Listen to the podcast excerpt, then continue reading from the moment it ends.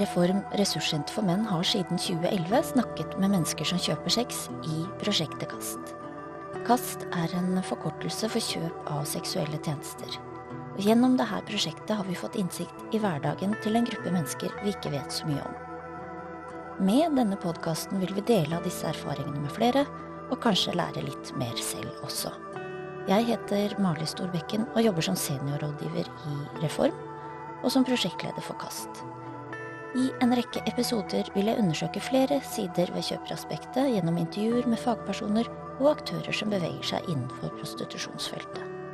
Velkommen til KAST podkast, podkasten om sexkjøp. I dagens episode skal vi snakke med daglig leder i Prosenteret, Bjørg Nordli, om den delen av prostitusjonsmarkedet som tilbyr tjenestene som blir solgt. Altså menn og kvinner som selger sex.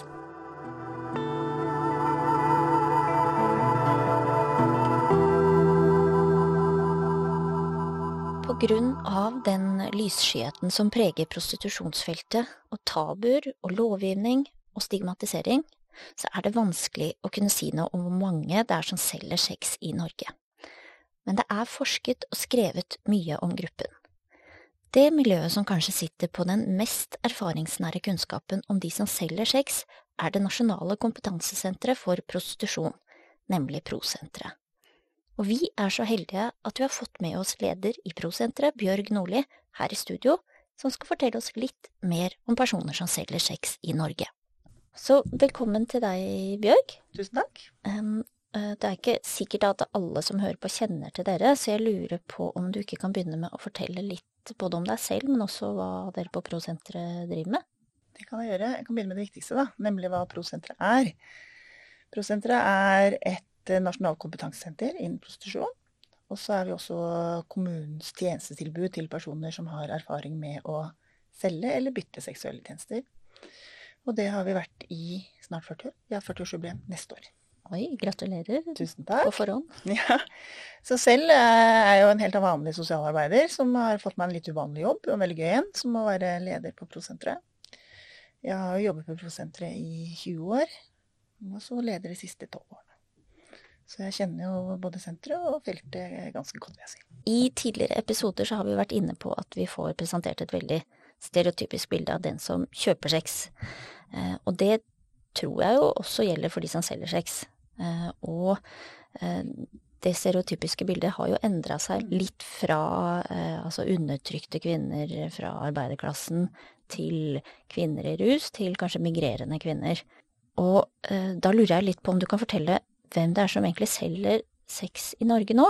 Ja. Eller, og, og, hvem, og hvorfor de selger sex, da, og hvem dere møter. Ja, det er jo helt riktig. Vi har jo alle veldig sånne stereotypiske bilder, eller stereotype bilder inni hodene våre hva gjelder aktørene på dette feltet. Eh, og veldig lenge så var det jo egentlig den, den, rusavhengige norske kvinnen som var den man tenkte på når man tenkte på personer som selger sex, som sto litt sånn i mørke sidegater i sentrum her.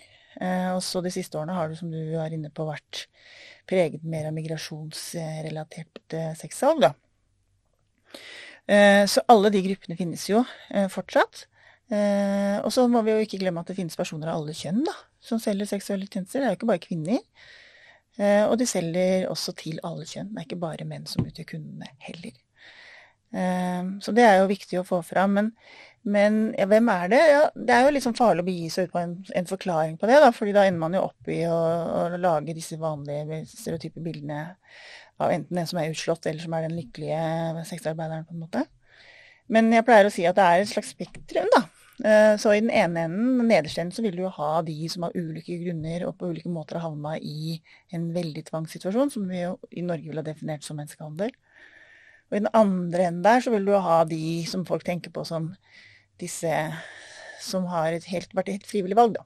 Og som jo finnes. Altså en gruppe som jo har ikke fordi de ikke har andre alternativer, men fordi det er dette de velger. Eh, som jo også da kan velge seg ut og inn av det sånn som de selv måtte ønske. Eh, og så utgjør de to en ganske liten gruppe i hver sin ende, og så har du et stort spenn på midten her, som er et slags eh, bilde på de som jo kanskje mer sånn motvillig er i sexsalg. I kraft av at hvis de hadde fått andre fullgode alternativer, så ville de kanskje ha valgt det, da. At det er da pga. mangel på andre alternativer, eller gode nok alternativer, som gjør at de ender opp i, i sexsalg. Og så vil det jo være også innafor den gruppa mer eller mindre tvangselementer for enkelte. Men som ikke nødvendigvis er så alvorlig at det vil bli definert som menneskehandel. Men det kan være hallikvirksomhet, som jo er alvor, alvorlig nok, jeg misforstår meg rett. Men, og, og, større eller mindre grad av frihet knytta til om det er familier, klaner, altså hvordan ting er organisert. Ja.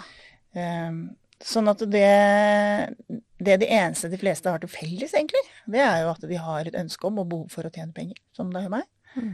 Um, og så at de har valgt da sexsalg som en mulighet for det. Med unntak av de som er ofre for menneskehandel. Da. De har jo ikke noe valg. Og så har jo alle de som er utafor EU, da. Um, som kommer migrerende på turistvisum. Og det, jo, og det, har de jo lov til. Og det tenker jeg det er viktig å understreke. da. At det å selge seksuelle tjenester eh, for det første er lov. Det er heller ikke å betrakte som arbeid. Sånn at du trenger ikke arbeidstillatelse. Du kan komme til Norge som turist, da. Og så selge seksuelle tjenester. Så klart at Hvis du møter på en politimann som er eh, opptatt av den slags, så kan du være veldig uheldig. da, For det, det, finnes jo bestemmelser i utlendingsloven som sier at hvis du ikke har et, et klart formål med oppholdet ditt her, så kan de kaste deg ut selv om du er turist. da. Eh, sånn at det, eh, det, er litt sånn ironisk, men vi pleier å si sånn ja, men hvis du selger seksuelle tjenester i Norge, så, også bare les deg litt opp på sånne turistmål, sånn at du kan si at jo, jeg skal til Vigelandsparken, eller ja til hvor det er du skal. Så det å si jeg kommer hit for å selge sex, det er ikke en legitim grunn for politiet? Noen vil slippe deg inn og la deg gå, for andre så er det ikke det. Og det så vi jo har vi sett i flere omganger at de bruker denne bestemmelsen, som stort sett brukes på, på folk som selger seksuell tjeneste, eller på sånne fotballhooligans som kommer til for å lage bråk på fotballkamper, på en måte, så sier de at det, det er ikke, du har ikke godtgjort oppholdet ditt her, da med noe som er mer fornuftig enn å være bråkmaker på en fotballstadion eller selge seksuelle tjenester. Men det er i utgangspunktet ikke en, en grunn i seg sjøl. Og, og, og, du må også koble det litt sånn opp mot eh, ja, alle de tankene de har da, om hva personer som selger seksuelle tjenester, gjør eller ikke gjør. Da. Så det er litt sånn Det er en veldig mangfoldig gruppe. Eh, aldersmessig så strekker det seg jo fra de altfor unge til de veldig godt voksne og godt over pensjonsalderen. Hva er den eldste besøkende dere har hatt? Vet du det? Over 70 i hvert fall. Over 70, ja. ja. ja. Og yngste? Det vet jeg faktisk ikke, men vi har hatt noen få innom også som er eh, under 18 år. Eh, men, men det, er, det, er, veldig veldig få. Det er flere eldre enn så unge. Og det har jo selvfølgelig også litt med at de som selger seksuelle tjenester, og som migrerer til Norge, vet at du ikke kan være under 18 år og selge sex. Eh, sånn at om du er under 18, eller, eh, så sier du i hvert fall ikke det. Da har du papir på at du sier at du er over 18, da. Men miljøet selv er jo men det er liksom, I hvert fall de som jobber ute, da, er veldig sånn opptatt av hvis det er veldig unge folk på gata, så pleier de å gi beskjed. Altså de, de, som jobber selv eh, på ja, gata? Ja, de som står på gata. De ser hvis det kommer noen veldig unge til, da. Så får vi gjerne beskjed. Men det er veldig veldig sjelden at det er noen som er eh, sånn pur unge. Det er nok, eh, Hvis de skal være noe sted, eh, så er det jo på en måte lettere for dem å skjule seg aldersmessig på nett. Da. Men er, legger de ut annonser på Real Escort f.eks., eller er det andre steder de selger da, tror du? Nei, altså hvis du er Det kommer litt an på hva, eh, hva slags eh, Hvordan du selger seksuelle tjenester. Altså hvis du er en, en, en eskorte som på en måte har dette som en, Det er det som er inntektsgrunnlaget ditt. Det er en helt sånn klassisk transaksjonell økonomisk transaksjon mellom to personer som ikke kjenner hverandre, så vil det være på Reelskort eller noen andre tilsvarende annonsesider. Eh, så er det jo en Innimellom kan man jo se i media sånn at det er en økende bekymring, eller i hvert fall noen er nærer en veldig sånn stor bekymring for at unge driver og surrer rundt på Onlyfans og Snapchat og TikTok og hva det heter for alle disse platene som eh, kidsa holder på med. Hvor det byttes og selges og ordnes og styres da, med seksualisert materiale. Mye bilder, selvfølgelig, men også kan det jo være videosnutter og den type ting. Eh, den, den, delen av kommersiell sex, eller, og med liksom sex som kapital, vil du ikke finne i statistikkene for eh, hvor mange som, som på en måte er i prostitusjonsfeltet. Det er også helt, nesten helt umulig å holde oversikt over, selvfølgelig. Og så er det jo en del av disse aktivitetene som det er spørsmål om ja, er det sexsalg, er, det defineres det som prostitusjon, hva er det, hva er det ikke? Og da må du liksom helt ned i hva slags type handlinger er det som utføres av hvem på hvilken måte, da. Og hvor gammel er de. Mm.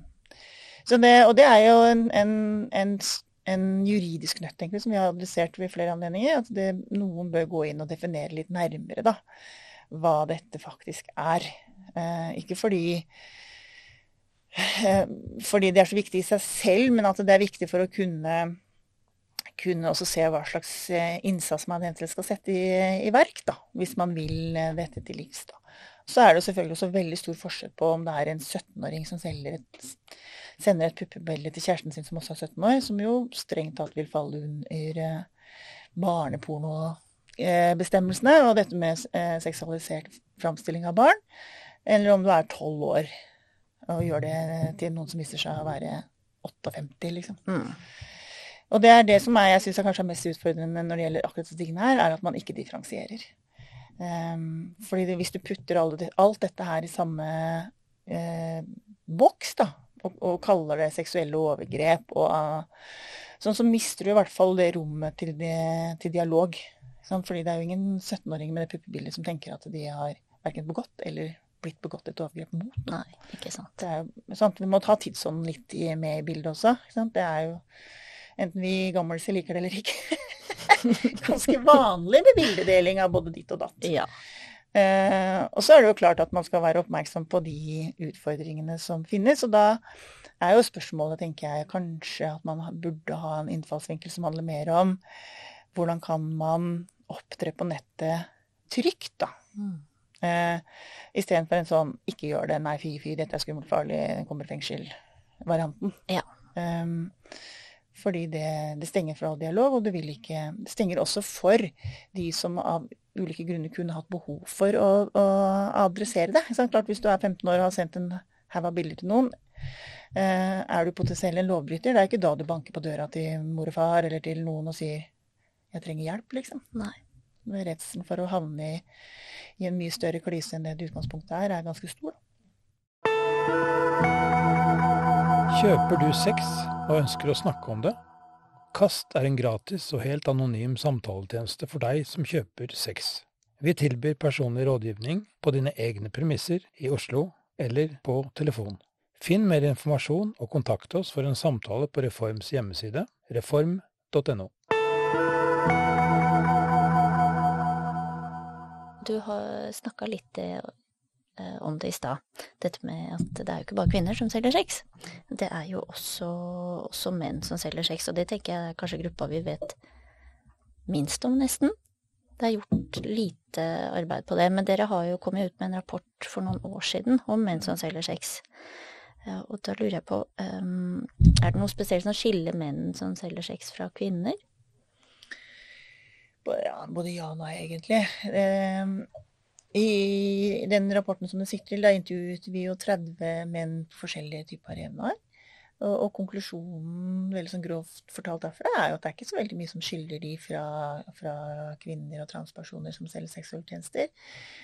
Og det, ikke det at det nødvendigvis er så overraskende for oss, men hvis man skal se litt på diskursene rundt menn som selger sex, og den dialogen og tankesettet som har vært rundt det, så har man ofte havnet i en, eh, en, situasjon hvor man liksom tenker at det, er litt mer helt øverst på skalaen her. Da, Menn som aktivt velger dette som en uh, inntjeningsstrategi, og som har det kjempegøy med det, kan en del av sin egen seksualitet, utforskning av egen seksualitet ikke minst, har blitt lansert. da. Um, og det og det sier ikke at det ikke er sant, men det er jo ikke representativt for de fleste. Det kan hende at det begynte sånn, men det vil for mange fortsette igjen De som fortsetter, vil jo være i på mange måter i den samme båten som, eh, som kvinner.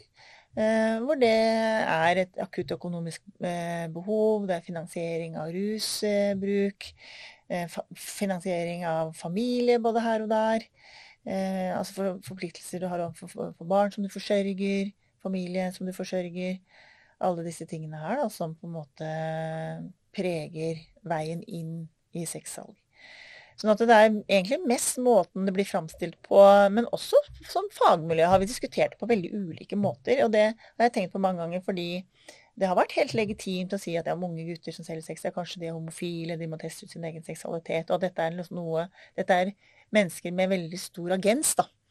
Um, og det har vært helt legitimt å si, men hvis jeg hadde stilt meg opp nå, for den saks skyld, men også, i hvert fall for 15 år siden, og sagt at ja, disse unge jentene de bare tester ut sin egen seksualitet og ser er dette noe gøy, eller er det ikke gøy, så vil man jo bli skutt på flekken, på en måte. Det hadde helt Det hadde ikke vært mulig, liksom, uten å, at vi hadde fått ekstremt mye pepper, da. Um, sånn at her, Man ser jo på gutter og jenter ulikt, da. Også i seksualitet og utfoldelse, ikke minst. Gutter kan liksom utfolde seg, de, da. Ja, de er handlende aktører er handlende som aktører. tar valg. Ja, Mens jenter og kvinner er liksom objekter da, som ting skjer med, på en måte. Og som vi må ta, ha omsorg for og passe på. Og, og snakker ofte om jenter. Selv om de er liksom 35 eller 45 år. Og det, det husker jeg fra jeg begynte med prosjekt sjøl. Man faller veldig fort inn i det. Sånn Jentene i prostitusjon, jentene, jentene. Så tenkte jeg jo ikke jenter, som hadde anstrengt seg for å si kvinner, da. Det ser eh. man jo også i mye av eh, forarbeidet til sexkjøpsloven, blant annet. Og som hvis man ser litt tidligere på det som er gjort i, i, innenfor lovverket når det gjelder prostitusjon, at det er snakk om jenter, selv om det er snakk om voksne kvinner. Voksne kvinner. Og så sier man ofte, og hvis man sier kvinner, så sier man kvinner og barn. Ja. Man sidestiller voksne kvinner med kids, liksom. Yes. Det er jo snasent. Som om de er liksom tillagt like mye handlingsevne og ikke minst rettigheter. Og, sånn at, så enten så tenker du at kids er veldig frampå, men det det er, er jo å liksom desevaluere kvinner, da. Å si at vi, du må være i samme bås som åtteåringer, liksom. Ja. Det er den tiltroen vi har til deg, da. Og i tillegg så tenker jeg det får jo store konsekvenser også for hvordan hjelpetilbudene møter menn i, som selger sex. Absolutt. Eh, og det tror jeg nok kan være problematisk. Uh, fordi de adopterer jo på mange måter den forståelsen som verden har gitt dem, da. Selv om eh, virkeligheten ser litt sånn annerledes ut. Så det, være, det, er vanskelig å liksom være den som tråkker ut av det og sier nei, men jeg har det ikke så bra. Jeg syns ikke det er så gøy å ha sex med 50 år gamle gubber når jeg er 20 sjøl, liksom. Og dette er problematisk og vondt så veit rundt så fort. Um, sånn at uh, det krever liksom uh, sin mann, da. Uh, og så vil det jo være opp til de ulike tjenestetilbyderne å ha det rommet, og det øret, ikke minst. At du må signalisere at her kan du snakke om de tingene. da. og ikke bare avfeie det som en sånn ja, litt sånn karslig, ikke sant. Altså, ja ja, nei, men eh, det Og, og, og det, er jo, det gjennomsyrer jo alt på prostitusjonsfeltet. Det har ikke vært én, så vidt jeg vet Jo, det har kanskje vært én som har blitt bøtelagt for kjøp av seksuelle tjenester av en mann. Som selger for nesten alle som har blitt bøtelagt, har solgt, uh, nei, kjøpt sex av kvinner. Fordi politiet aksjonerer ikke ut opp mot denne gruppen heller. Og det er greit for meg, altså. Men det sier jo noe om fokuset. Den man ser på som offer også, ja. det er kvinner og barn. Det er kvinner og barn. Ja. Over på noe litt, eh, litt annet. Um, fordi tidligere så kunne man jo se, i, spesielt i de store byene, at uh, sexsalget foregikk uh, ganske sånn åpenbart på gata. Det er mange som kjenner til Skippergata f.eks. her i Oslo, der man kunne se det. Uh, men det ser vi ikke så mye nå lenger, så jeg lurer på hvor det er sexsalget foregår nå. Har vi bordeller, eller skjer det på massasjeinstitutter, eller er det hjemme hos folk? Ja, ja og ja. ja. Gateprostitusjonen Uh, har jo stort sett vært i Oslo og et par andre store byer. Med Oslo har jo transformert seg til et veldig stort gateprostitusjonsmiljø sammenligna med andre byer i Europa f.eks. Så fikk det seg jo en alvorlig knekk ved to korsveier, egentlig. Det ene var jo selvfølgelig ved innføringen av sexkjøpsloven. Uh, da så vi en dramatisk nedgang, og så kom det seg aldri helt igjen etter det, for å si det på den måten. Uh, og så hadde vi en ny knekk når vi fikk flyktningkrisen i 2015.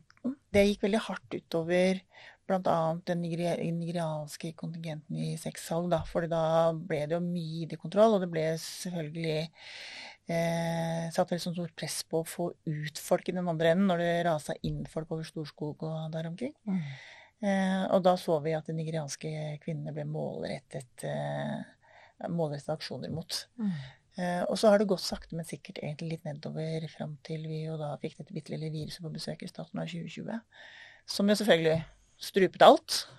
Um, og siden har det egentlig aldri helt eh, Gateprostitusjonen Oslo i hvert fall har tatt seg, ikke tatt seg opp på i noe som helst vis etter det. Eh, og det er jo klart at folk har funnet andre arenaer å være på. Det er ikke noen grunn til å tro at, andre, at de har begynt å jobbe på Kiwi eller fått noe annet fornuftig arbeid å drive med, men, men Det er jo selvfølgelig internettet med alt dets gleder og sorger som er den største arenaen. Men så har du jo alle disse andre litt mer diffuse arenaene som alle disse sosiale medier utgjør. Ehm, men også før de, den tiden hvor vi liksom, før vi snakket om sosiale medier. Man hadde jo flater hvor folk kommuniserte. Altså nettsamfunn, chatteforum, alle disse tingene her. Så jeg pleier å si at alle steder hvor, som det er lagt til rette for at folk skal kunne møte folk, eh, vil jo potensielt kunne være en arena for kjøp og salg også av seksuelle tjenester. Men vi ser jo også at man, mange får tilbud fra folk, da. Og det er jo litt sånn med tanke på kundesiden sin atferd. En del av de vi møter som er i det yngste sjiktet, de får henvendelser. Og særlig unge gutter, uh, unge menn, uh, får konkrete henvendelser fra andre menn. Hvor de blir direkte spurt om de vil ha sex mot betaling. Ja. Uten da, at det er tydelig at det er den tjeneste de selger? Ja, og at ikke, de solgte ikke den tjenesten i utgangspunktet, men det var kanskje treningsvideoer på Instagram eller eh, den type ting. Hvor du jo eh, framstår som en person som noen har lyst til å ha sex med. Mm. Eh, og så, eh, De folk er jo ikke skvettende. Da sender de bare en penn, og så bare spør de. Ja. 500 kroner for de eller 1000 for datt eller what have you not. Mm. Så vil jo majoriteten bare tenke oh no. Men så er det jo noen da som av ulike grunner er i en situasjon hvor de tenker dette er jo superlett vinterpenger, eller de trenger de pengene av ulike grunner. Mm. Så blir det en inngang. Uh, og det er jeg har hørt en del unge gutter snakke om. Jeg hører ikke så ofte at unge jenter sier det samme, men jeg vil jo anta at de får like mange henvendelser. Mm. Ja. Og da er det jo Jeg tror det er ganske, um, litt sånn interessant, fordi det fins jo noe forskning mener jeg, på at vi er veldig flinke, eller vi som samfunn og foreldre, da, er jo mye flinkere på å drille jenter på uønska seksuell oppmerksomhet enn det vi er overfor unge gutter. da. Absolutt. Sånn at det blir litt, Når de får den, den type henvendelser, så veit de ikke helt hva de skal gjøre. Nei, de blir litt sånn perplekse, da.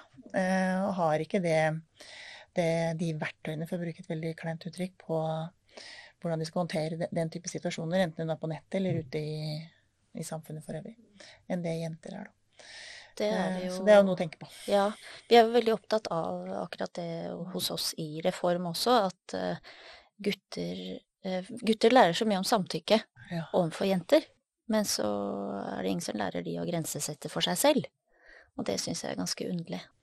De er veldig uheldige, og de har ikke nødvendigvis noe språk heller for de erfaringene de får. Da. Så vet jeg ikke om det er Særlig fordi mange av disse ungguttene vil jo få henvendelser fra menn, og det gjør, legger sikkert en ekstra klein uh, kleinhet til det, da. For det er litt sånn å tenke at jeg er homo, og at du syns det er vanskelig å for, forholde seg til sånn sett. I tillegg. Og kanskje vanskelig å adressere også til andre.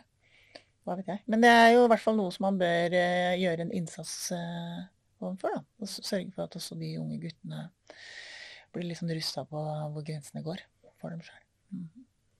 Men eh, nå har vi jo Du har jo fortalt litt om altså bredden i eh, selgersiden. Mm. Eh, men dere kommer kanskje ikke i kontakt med alle.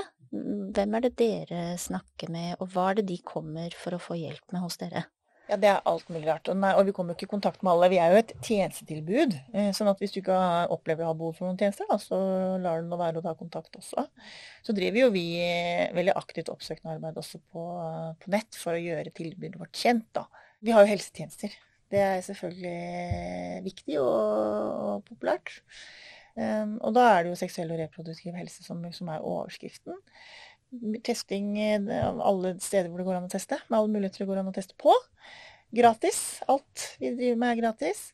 Men også fordi veldig mange av våre brukere har begrensa med rettigheter i Norge, så vi blir også litt sånn allmennlegetjeneste for en del folk. Da. Vi avviser ingen. Sånn eh, kommer du med forskjellige helseutfordringer, så tar vi deg imot. Så gjør vi det vi kan, men vi er jo ikke en spesialisthelsetjeneste. Eh, sånn at da må vi ha gode kontakter inn i spesialisthelsen, og det har vi på noen områder. Og andre ganger så må vi bare si at uh, den der uregulerte diabetesen her, den får vi ikke gjort noe med, liksom. Nei. Så må du gå til stasjon for papirløse. Og så er det jo selvfølgelig sosialfaglige tjenester som vi har, og da er det jo en del liksom praktiske ting. Men det er også Vi har så mye støttesamtaler. Hva trenger de støtte til? Det kan være alt mulig, egentlig. Men det som jo er litt corny og litt trist, det kan jo være folk som er i, eh, i et eh, behandlingsopplegg i både DPC eller med terapeutisk tilsnitt, som jo snakker om alt bortsett fra prostitusjonserfaring, f.eks. Fordi de ikke tør eller ikke tror at de kan. Eller fordi de har sagt det, og så sier terapeuten at ja, det kan ikke jeg snakke om, det må du snakke med noen andre om. Og det er jo ganske hårreisende i seg selv, da. Det er absolutt Men det er, jo, det er jo fortsatt vanskelig for enkelte å snakke om den tematikken. Det merker vi jo hos oss også med de klientene vi har hos oss. Eh, enten så har de sagt det til eh, om det er fastlege eller psykolog, mm. og fått beskjed om at eh, ja, men det, det vil jeg ikke ta, ta tak i. Ja. Eller så tør de ikke å nevne det i det hele tatt. Også, også i disse støttesamtalene, alt fra folk som har, eh, har det veldig vanskelig med sexsalget sitt. Eh, det finnes jo noen som bruker sexsalg som en slags selvskadingsstrategi. Veldig mye uhelse psykisk for noen, eh, som må hjelpe å rydde litt. Da må vi gå sånne små hver hvor vi på en måte prøver å identifisere ja, kan du gjøre noen ting annerledes. Ehm, for å få de over i Og det høres jo kanskje litt rart for folk som ikke er midt oppi det, men over en måte å selge seksualitet på som ikke er så skadelig for deg selv, f.eks. Så er jo det et steg i en retning som du kan fortsette på, hvis vedkommende ønsker det. da. Kan du ta et eksempel på det? Altså... Ja, det kan jo være at du selger seksuelle tjenester på en måte som ikke er bra for deg. At du blir eh, ikke sant? Altså du utsetter deg selv for eh, ting er fornedrelse, men skade, da gjennom vold, kvelningsforsøk, alle disse tingene som måten du jo kan ha sex på, som jo ikke så ofte er det mainstream. Eh, måte å utfolde seksualiteten sin på, og, og, som jo heller ikke gjøres i trygge former. Altså Alt som er knyttet til bonders og SM og sånn, er jo helt eh, fint det, hvis du på en måte gjør det riktig, da. Eh, og det er ikke noe veien med det, men det her er, vil det jo være i en situasjon hvor dette ikke på en måte er en del av eh, situasjonen. Sånn at du utsetter deg for, eh, for skade, da. Både fysisk, men også mentalt. da. Så er vi også eksempler på at vi har gått hele veien, og at vedkommende slutter å selge seksuelt og begynner med helt andre ting, og det er jo kjempefint. Men det er ikke målsettinga i utgangspunktet. Målsettinga er å, å, ta tak i situasjonen sånn som vedkommende opplever det, og si OK, hvordan skal vi motivere og jobbe for at du kan eh, få det litt bedre. Sånn at eh, mye handler jo om skadereduksjon, eh, styrke folk i den situasjonen de befinner seg i. Også fordi vi erkjenner jo at det, altså, vi, vi, kan ikke hjelpe folk til noe heller. Altså, de, de, har ikke rett til å ta jobb her. Nei. Det er ikke rett til å oppholde seg her over en viss tid. Hva skal vi egentlig gjøre, da? Da er det jo det skadereduksjon handler om. Da. Det handler om å på en måte gjøre det minst verst. Og så styrke folket til å ta valg og synliggjøre de valgene som faktisk finnes. Da. Fordi det er jo sånn at når du sitter nede i enden der, så kan det være vanskelig å se hva som er alternativene dine, da. Eh, mange av de kundene vi snakker med, har jo noen regler for å unngå å kjøpe sex av noen som er utsatt for tvang. Eh, men så tenker jeg at det kan være ganske vanskelig for de som kjøper sex, å faktisk se om den de kjøper fra, er utsatt for tvang. Men er det noe spesielt eh, de kan se etter for å unngå å kjøpe fra mennesker som er utsatt for menneskehandel? Nei, det tror jeg ikke. Du har, det er jo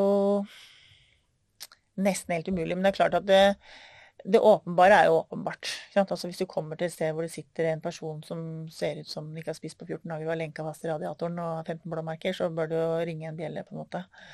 Men det er jo ikke sånn det fungerer.